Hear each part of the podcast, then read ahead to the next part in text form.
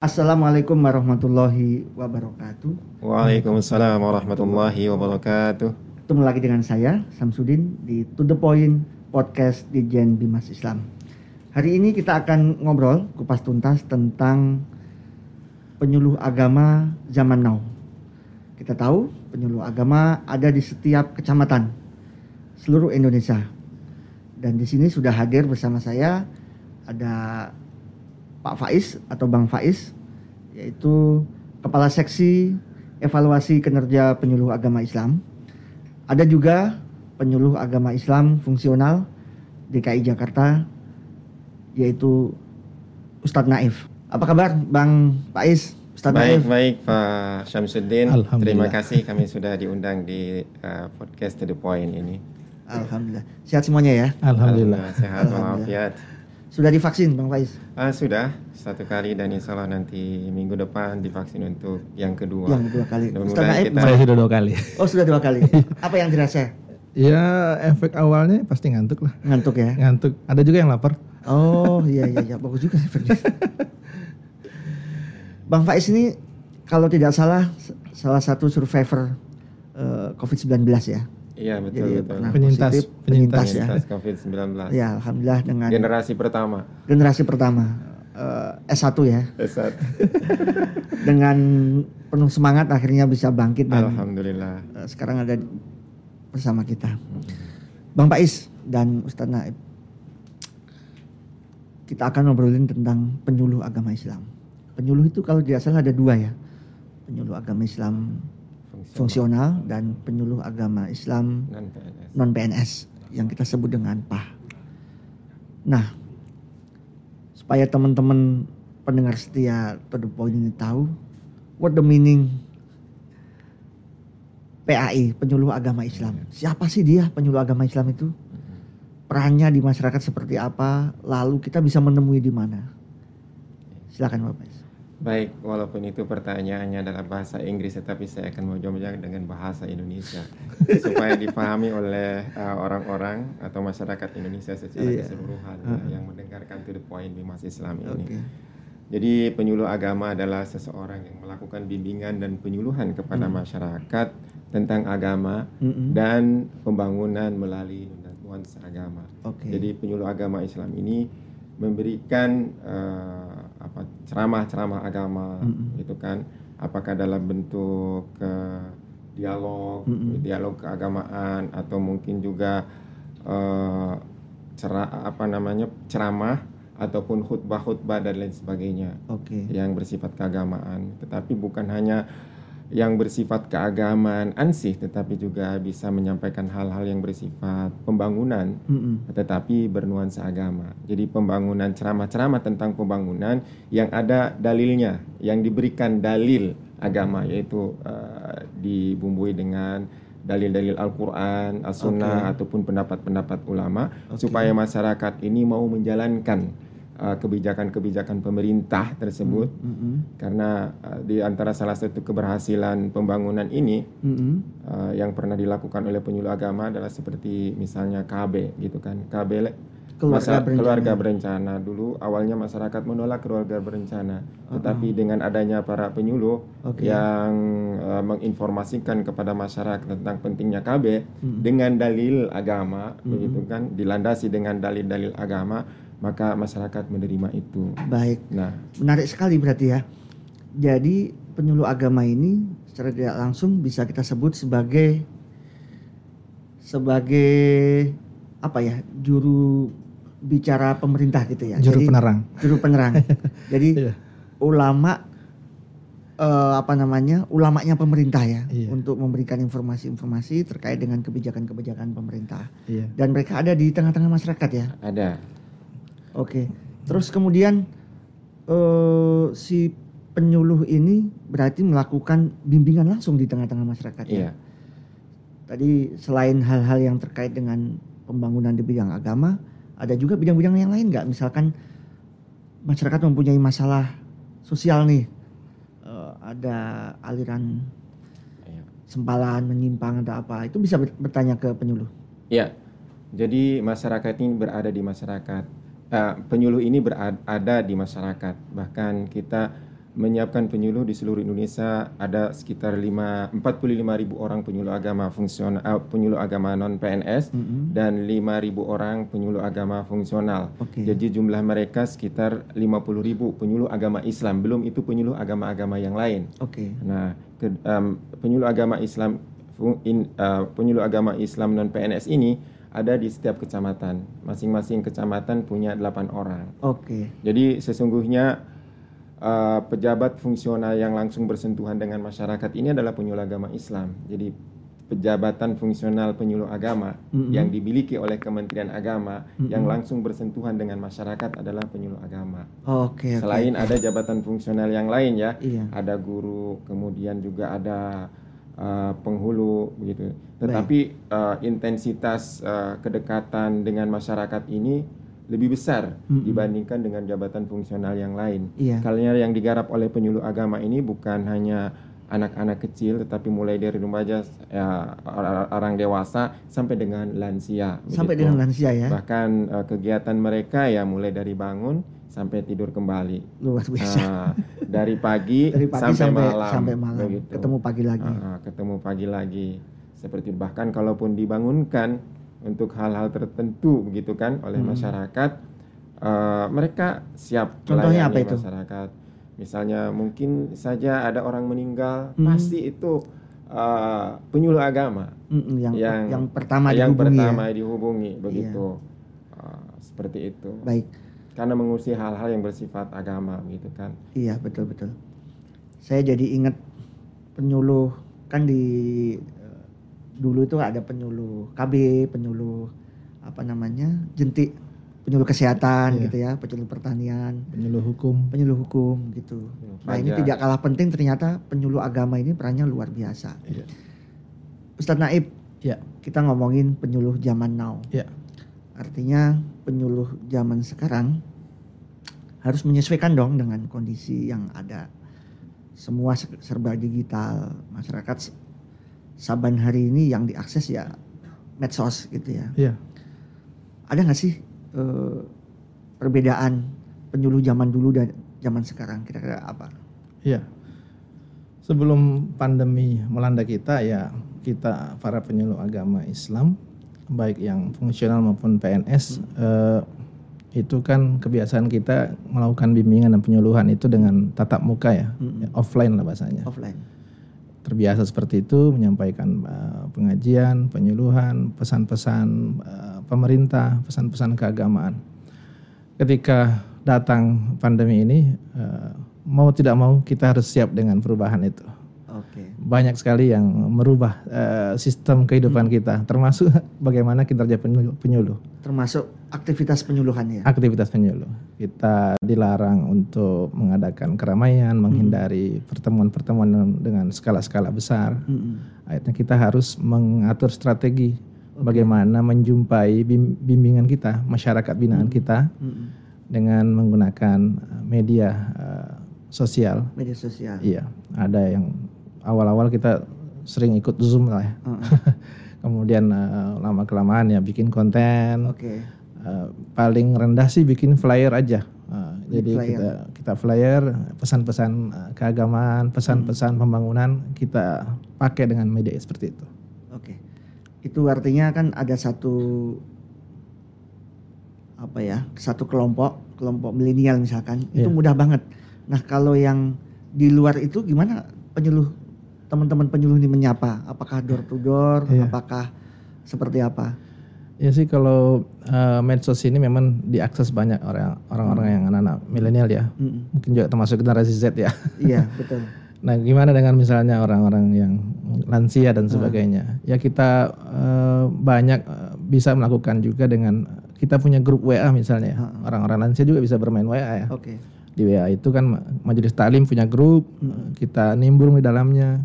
Kita sampaikanlah, kita share broadcasting pesan-pesan. Hmm. Bukan cuma sebenarnya pesan-pesannya, kita juga banyak menangkal hoax. Oh gitu. Wah, banyak sekali. Apa hoax apa aja yang Apa aja. Apa aja? Apa aja misalnya nih, vaksin nih. Heeh. Saya sudah divaksin. Heeh. ya kita banyak menangkal informasi-informasi misalnya di masyarakat eh, banyak yang ketakutan, banyak yang bilang bahaya Pak kalau divaksin dan sebagainya. Ya kita sebagai penyuluh Heeh. kasih contoh dulu. Kita yang paling awal divaksin Iya, ter- dan ternyata aman. aman sudah dua kali aman Aman. ada alhamdulillah masyarakat ada yang berubah Ada yang berubah. malah sekarang nanyain di mana bisa vaksin pak ustadz Wah, luar biasa. eh, Ustaz Naib, kalau penyuluh itu tugasnya di mana aja sih? Apa di masjid aja? Apa Iya. di majelis taklim atau ada di tempat-tempat lain misalkan rumah sakit atau apa gitu? oh iya kalau penyuluh fungsional kita punya banyak binaan Heeh, Eh, jadi ada majelis taklim heeh. ada TPQ Oke. remaja masjid Heeh, kemudian yang dalam lingkungan masjid heeh. sementara untuk eh, binaan yang kami anggap bukan zona nyaman Heeh, eh, ada yang di lapas heeh. ada yang di tempat rehabilitasi ada yang eh, di tempat-tempat TPA tempat pembuangan akhir Oke. eh, pemuluh dan sebagainya saya sendiri eh, di rumah sakit Fatmawati Oh, Nah, untuk apa itu? Jadi apa di sana? bimbingan rohani Oh, bimbingan rohani orang-orang yang sedang sakit. Iya, kalau dokter menyembuh- menyembuhkan fisiknya, Heeh. kita berusaha mendekati rohaninya. Wah, luar biasa. Kalau dokter kasih obat, Iya. kita dengerin curhatnya, Heeh, di ujung-ujungnya kita mendoakan pasien itu Iya. agar cepat sembuh. Dan itu perannya tidak kalah penting ya, karena memberi semangat dari dalam. Iya, karena Pak di rumah sakit itu kan banyak orang yang yang putus asa kadang-kadang. Heeh. Banyak orang yang eh, takut misalnya dioperasi, Mm-mm. kita datang ngasih spirit. Ayo, Oke. ayo Pak demi kesembuhan, Bapak harus kuat, Kuat. mau dioperasi. Iya. ada yang putus asa dengan penyakitnya kita bilang ya bahwa ini adalah ujian ini adalah musibah bapak ini kayak seperti anak eh, sekolah yang harus mau naik kelas tapi dikasih ujian dulu Oke. dan Tuhan kasih ujian itu tidak sesuatu yang bisa kita lewati Oke, oke. iya Dan itu pasti suasananya harus sekali ya. Harus. Rumah sakit. Ah, ada penerimaan bahkan ada penolakan juga Ada penolakan juga. Apa yang terjadi? ya misalnya dia nggak mau kesannya mungkin kita datang untuk menceramai dia padahal kita kan nggak mau menceramai mereka kita ingin mendengarkan keluh kesahnya sih Heeh. kadang orang sakit itu ingin didengerin pak ada Pengen curhat ya. pengen curhat terus ada juga yang ingin belajar agama Oke. misalnya nih eh, kita kasih eh, bimbingan rohani bapak kalau lagi sakit itu kan sholatnya nggak seperti orang yang normal Heeh. bapak cukup dengan eh, misalnya tayamu kemudian meringkas sholatnya menjamah sholatnya mereka men- kemudian nanya tayamum itu apa sih pak Ustadz Oh gitu. baru tahu iya baru tahu. Tapi dia antusias ya. antusias Iya. Betul betul. Heeh, seperti itu Ya, Bapak Is luar biasa sebenarnya tugas penyuluh ya. Eh, bagaimana dari sisi pemerintah mendukung eh, tugas-tugas penyuluh yang sedemikian berat sih enggak ya, tapi apa sedemikian eh, berartinya di dalam masyarakat itu. Karena boleh dibilang penyuluh ini penjaga umat ya. iya Bagaimana supaya masyarakat ini tetap tetap connect sama penciptanya gitu ya, sama Tuhan. kalau di Kemenak dibilang ujung tombak katanya pak Ujung tombak. Iya. Jadi begini Pak, memang kami dari pihak pemerintah uh, telah berusaha untuk meningkatkan uh, baik itu kualitas maupun kuantitas penyuluh agama. Sebetulnya dulu itu penyuluh agama non PNS itu jumlahnya sekitar 75.000 orang. Heeh. Uh, banyak sekali Pak. Tapi mungkin dari sisi kualitas uh, kurang begitu bagus ya. iya. Akhirnya kami punya kebijakan untuk meningkatkan kualitas mereka dengan melakukan pengurangan. Jadi Pengurangan jumlah uh, penyuluh. ya? pengurangan- jumlah, jumlah penyuluhnya dikurangi, tetapi kemudian honor atau insentif mereka ditingkatkan Oke. dari 500 menjadi 1 juta rupiah begitu kan. Dari 75.000 menjadi 45.000. Honor mereka yang Sebentar, Bapak 45.000 ya. Jadi honor penyuluh agama ini satu bulannya satu juta. 1 juta rupiah. Oke. Satu juta rupiah Sekarang. Ah, ya. Sekarang. Tapi eh, ya kita itu satu juta rupiah dari pemerintah ya. Bisa jadi mereka akan mendapatkan honor-honor lain, keberkahan-keberkahan lain Iya. dari keikhlasan mereka dalam bekerja begitu kan. Bisa mungkin mendapatkan lebih daripada itu. Oh iya betul Iya. betul betul. Eh, itulah eh, peningkatan eh, kualitas dan kuantitas penyuluh dari sisi eh, kuantitas penyuluh walaupun berkurang tetapi sekarang berkualitas begitu kan bahkan ada eh, keinginan dirjen yang sekarang ini meningkatkan lagi eh, menjadi Kalau boleh tahu background penyuluh itu apa? background penyuluh itu sesungguhnya eh, kita mengutamakan berlatar belakang pendidikan agama. Mm-mm. Misalnya dari pesantren, Mm-mm. kalau dia di perguruan tinggi sarjana agama begitu kan. Eh, kalau memang di daerah tersebut tidak ada eh, sarjana agama gitu kan. Mm-mm. Eh, kemudian juga tidak ada dari lulusan SMA atau sederajat misalnya. Asalkan dia mendapatkan rekomendasi dari dari Majelis Ulama Indonesia bahwa orang tersebut memiliki kemampuan untuk mengajarkan, memberikan bimbingan penyuluhan agama, maka Misalkan- mereka bisa menjadi penyuluh Kan agama. misalkan banyak eh, teman-teman yang lulus pesantren tapi Iya. tidak sekolah gitu ya. Iya. Itu kan ma- bisa, mumpu juga ya. iya, Iya. bisa. Ada memang ada seleksinya, Pak. Seleksinya ya. Ah, kita sudah melakukan seleksi untuk penyuluh yang berkualitas ini dua kali, Pak. Mm. Di tahun 2017 2017. dan kemarin terakhir di tahun 2019 begitu. Nah, di dalam 2019 ini kita akan berupaya juga supaya penyuluh agama Islam non PNS ini dulu kan hanya dua kali dalam seminggu melakukan bimbingan dan penyuluhan. Dua Maka dengan seminggu. meningkatnya Ah, honor mereka menjadi satu juta, mungkin kita akan tuntut lebih lebih banyak lagi daripada Dikasih tugas sebelumnya dikasih tugasnya yang lebih begitu gitu ya. ya yang lebih mungkin bisa tiga kali atau empat kali dalam seminggu sehingga uh, volume bimbingan dan penyuluhan mereka pun dalam sebulan kalau misalnya empat kali empat kali empat enam belas kali Oke. Uh, luar biasa kalau mereka bisa memberikan penyuluhan uh, 16 kali dalam sebulan dikali misalnya 45 ribu begitu kan Uh, berapa kali bimbingan dan penyuluhan Iya. dan berapa puluh juta uh, jamaah yang uh, dilakukan bimbingan Terbina oleh ya. penyuluh, yang terbina oleh penyuluh agama Islam. Bapak Is. eh, penyuluh zaman now. Mm, Jadi kita kan sekarang bergeser ya. Iya, Eh, banyak masyarakat mengakses eh, konten-konten keagamaan itu kan melalui medsos ya, Iya. melalui internet gitu. Sejauh mana penyuluh kita udah siap belum? Eh, atau jangan-jangan memang sudah sudah sangat siap dan sudah berjalan Iya. baik gitu. Eh, saya lihat teman-teman ada tagar penyuluh bergerak gitu. Iya. Apa itu salah satu gerakan yang dibikin oleh penyuluh agama Islam Iya. untuk hadir di tengah-tengah masyarakat mengisi ruang medsos itu? Iya. Jadi begini Pak, uh, penyuluh agama Islam ini rata-rata mungkin yang uh, mayoritas ya, mayoritasnya adalah sarjana, uh, sarjana agama dan mungkin ada juga sarjana sarjana umum begitu. Mm. Nah, kalau misalnya itu adalah mereka sarjana, pasti mereka sudah uh, familiar ya dengan dunia uh, tek- teknik informasi atau dengan era digital atau era in- informasi seperti saat ini begitu. Itu sudah menjadi kebiasaan mereka. Bahkan untuk membuat video-video uh, pun sekarang sudah banyak aplikasi Mm-mm. yang bisa dipelajari sendiri.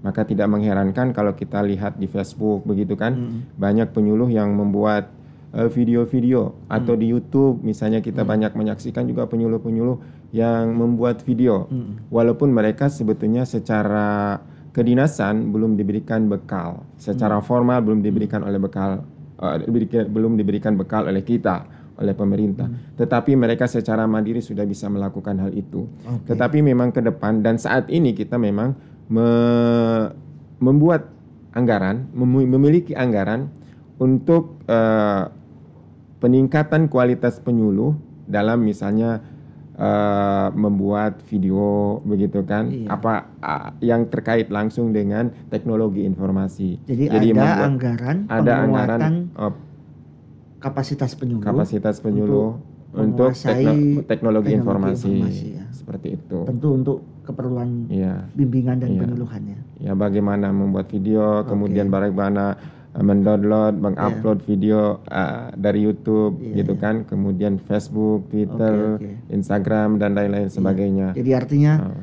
penyuluh ini eh, apa namanya tidak jauh dari teknologi ya karena Tidak. sudah dipersiapkan. Dan walaupun kami tidak memberikan bimbingan teknis kepada mereka, tetapi dalam perlombaan-perlombaan penyuluh baik dalam tingkat kabupaten, kota, kemudian provinsi dan nasional itu ada salah satu yang dinilai adalah video yang dibuat oleh para penyuluh.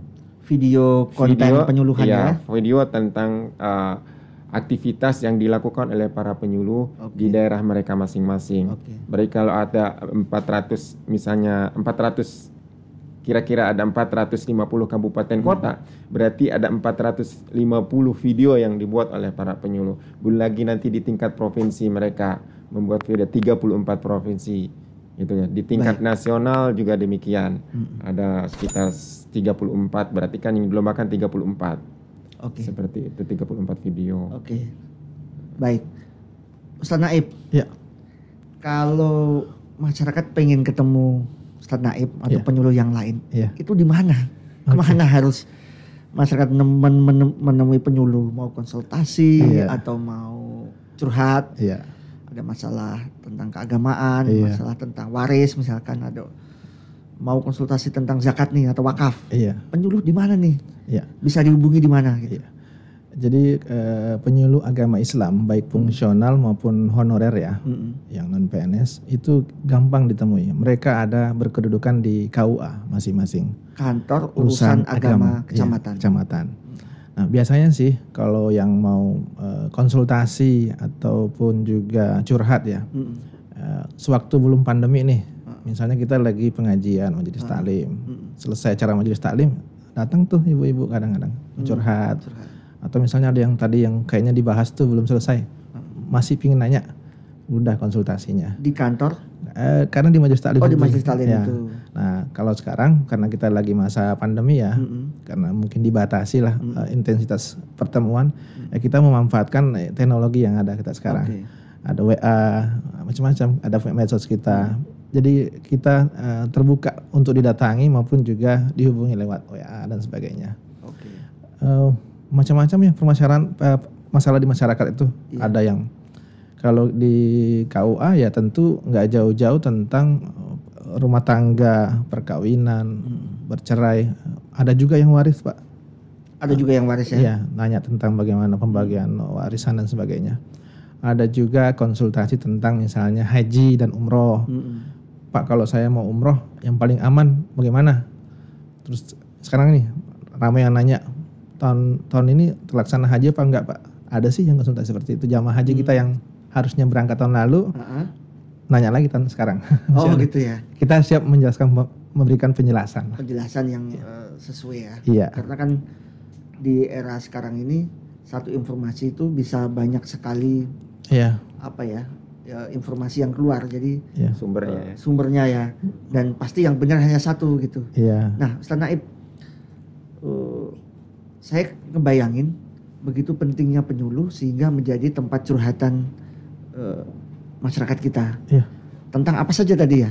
Nah, tentu penyuluh ini kan harus punya bekal yang cukup Iya. untuk menjawab. iya, Eh, gimana penyuluh memverifikasi jawaban itu eh, pas dan tepat dosisnya kepada masyarakat. Kita tahu kan sekarang ada namanya aplikasi cek fakta ya banyak ya. iya, Karena saya melihat banyak sekali hoax nih yang ke Kementerian Agama. banget. Nah, teman-teman penyuluh sudah punya ini belum ya eh, apa namanya? Aplikasinya. eh, apa ya? Istilahnya punya modal lah, Iya. modal penguasaan eh, Iya. cek fakta, aplikasi cek fakta itu. Baik, eh, salah satu tugas penyuluh zaman now lah. Iya mano ya. Ya, kita harus banyak menangkal berita-berita yang tidak benar ya, hoax lah ya. Iya, saya mencatat kalau nggak salah pernah ada hoax Kementerian Agama melarang adzan gitu ya. Ada. Ada termasuk banyak yang belakangan ini beredar lagi. Ada juga hoax lama bersemi kembali. Apa itu? Misalnya apa ya itu tentang perubahan nama komen, nah, nomenklatur Kementerian Agama berubah gitu. Itu tiga minggu yang lalu masih sempat saya nemukan. Lagi-lagi saya bilangin namanya HLBK ya, hoax lama ber- bersemi kembali. Gimana Ya. teman-teman Eh, mempersiapkan itu? Eh, mengenai bekal teman-teman ya. Jadi teman-teman ini kan bisa mendapatkan eh, materi-materi seperti itu dengan pelatihan. Ada yang melalui diklat dan sebagainya. Ada juga yang melalui dengan eh, cek fakta tadi belajar. Eh, saya sendiri mempraktekannya misalnya saya selalu menghimbau kepada teman-teman saya, teman-teman teman-teman sejawat saya penyuluh maupun juga penyuluh honorer. Eh, misalnya saya berkiblatnya ke eh, websitenya Kominfo. Kominfo. Ya, Kominfo itu kan tiap minggu ya, tiap hari ada aja yang ditampilkan tuh. Jadi begitu ada berita, ayo melipir dulu deh ke website Kominfo misalnya. Oh, berita counter hoax ya. Ya. Atau cukup ketik di Google deh. Berita ini tekan depannya ada hoaxnya nggak? Oh. Akan muncul semua tuh. Ah, Oke. Jadi kan eh, teman-teman harus bisa jadi eh, apa ya? Saring dulu ya sebelum sharing ya. Eh, sharing dulu sebelum sharing. Ya kita eh, sebelum tangan kita memencet men-share Mm-mm. klarifikasi sebanyak-banyaknya. Tabayun lah bahasa Tabayun agama. ya. Nah, Oke. seperti oke. itu. Oke. Ya, keren sekali ya. Ustaz Naib, Ya. eh, selama ini apa yang dirasakan eh, penyuluh kita di lapangan tuh eh, untuk apa ya? Ya kan tuntutan semakin tinggi. Ya. Masyarakat semakin eh, membutuhkan kita sementara teman-teman terbatas waktunya. Ya.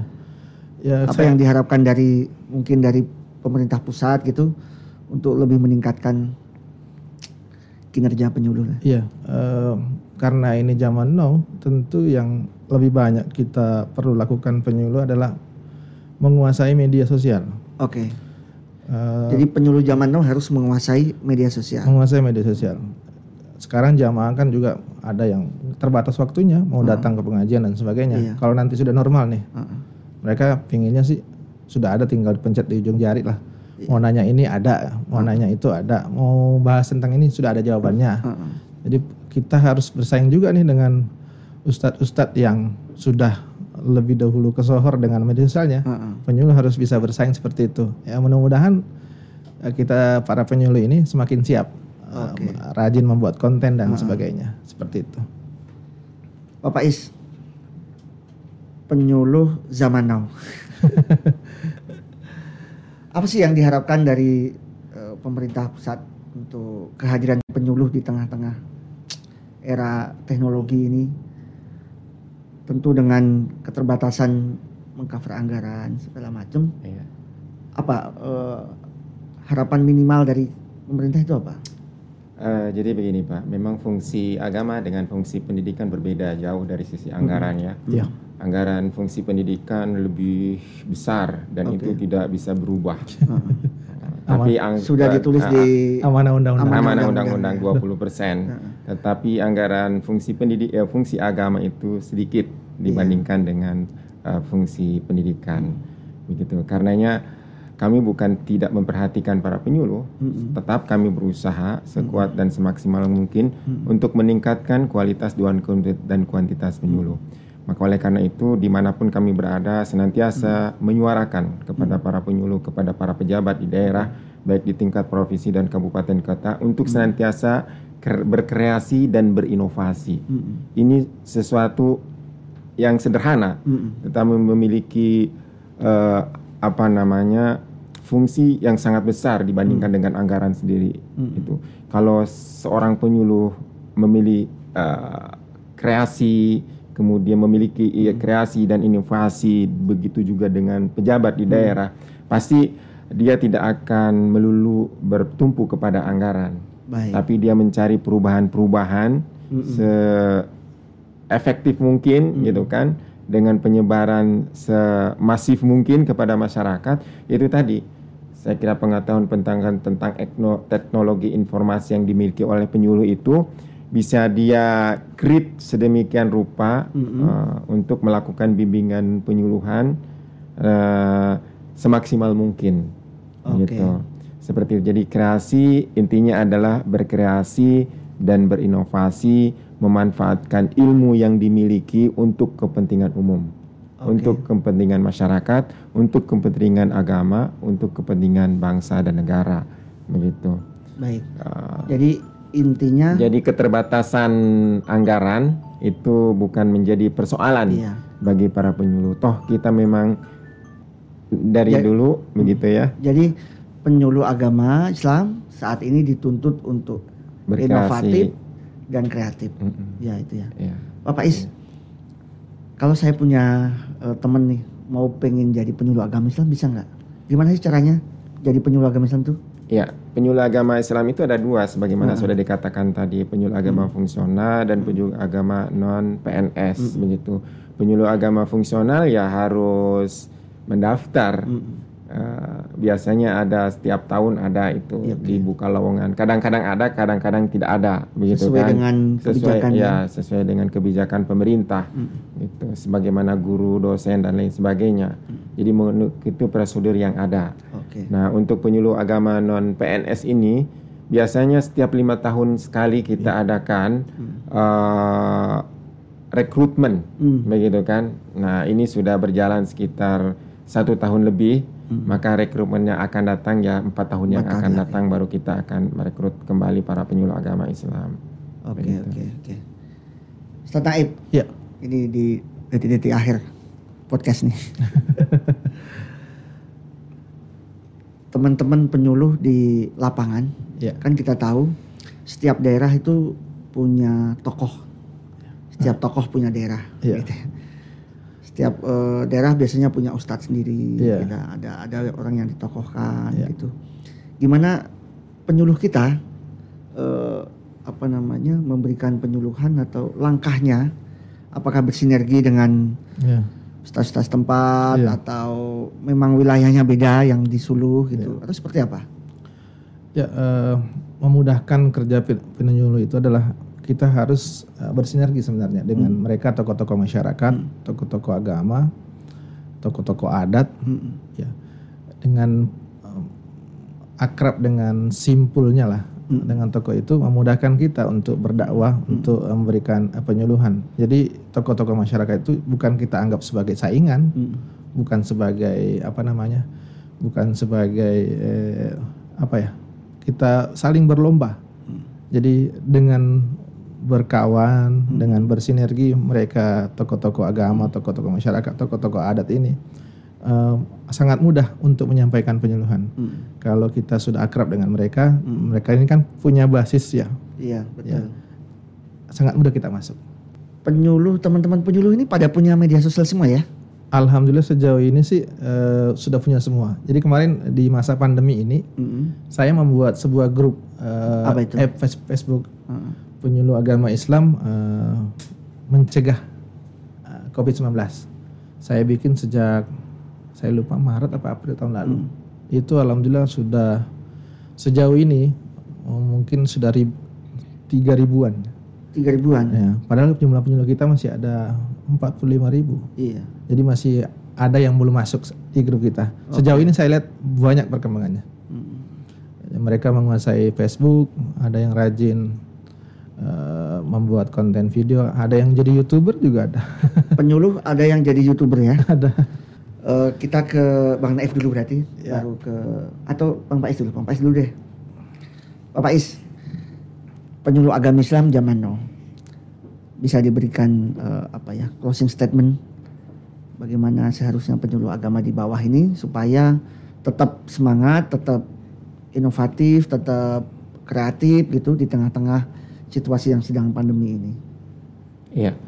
Eh, saya berpesan kepada penyuluh agama Islam di mana pun berada di berbagai tingkatannya baik yang di pusat, di provinsi, di kabupaten maupun yang di eh, kecamatan untuk tetap semangat menjalankan bimbingan dan penyuluhan dan tidak terputus oleh pandemi eh, COVID-19 baik uh, memberikan penyuluhan secara langsung dengan menjaga jarak, memperhatikan protokol kesehatan, maupun memberikan penyuluhan melalui media siswa, ses- Sosial. sosial, baik itu YouTube, kemudian Facebook, kemudian WhatsApp, ataupun Instagram atau media sosial yang lain, yang lain yang bisa digunakan oleh para penyuluh. Jadi semua uh, potensi yang dimiliki untuk melakukan bimbingan dan penyuluhan agama Islam pada saat ini maupun setelah pandemi nanti harus tetap dikobarkan oleh para penyuluh uh, baik di dunia maya maupun di dunia nyata.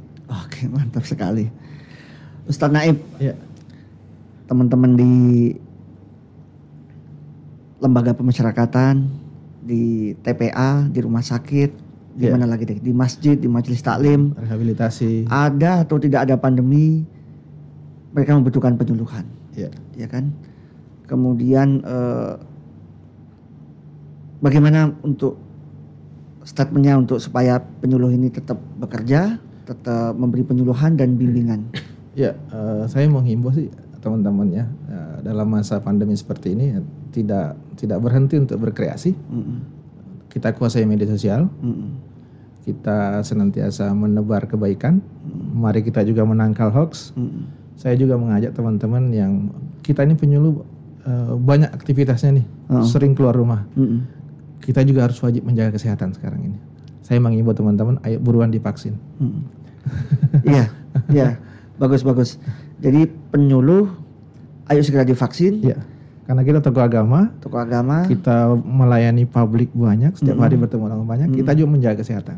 Jadi yang paling utama harus menjaga kesehatan salah satunya adalah penyuluh agama Islam. Iya, Jaga kesehatan, tetap inovatif, iya. Kemudian semangat tangkal hoax, semangat tanggal host, ayo buruan divaksin. ayo buruan divaksin. Baik, thank you, terima kasih Iya, Ya, Bapak sama-sama. Is, eh, Ustadz Naib. sama-sama. Kita bertemu kembali di episode selanjutnya.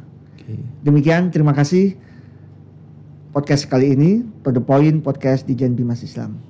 Assalamualaikum warahmatullahi wabarakatuh. Waalaikumsalam warahmatullahi wabarakatuh.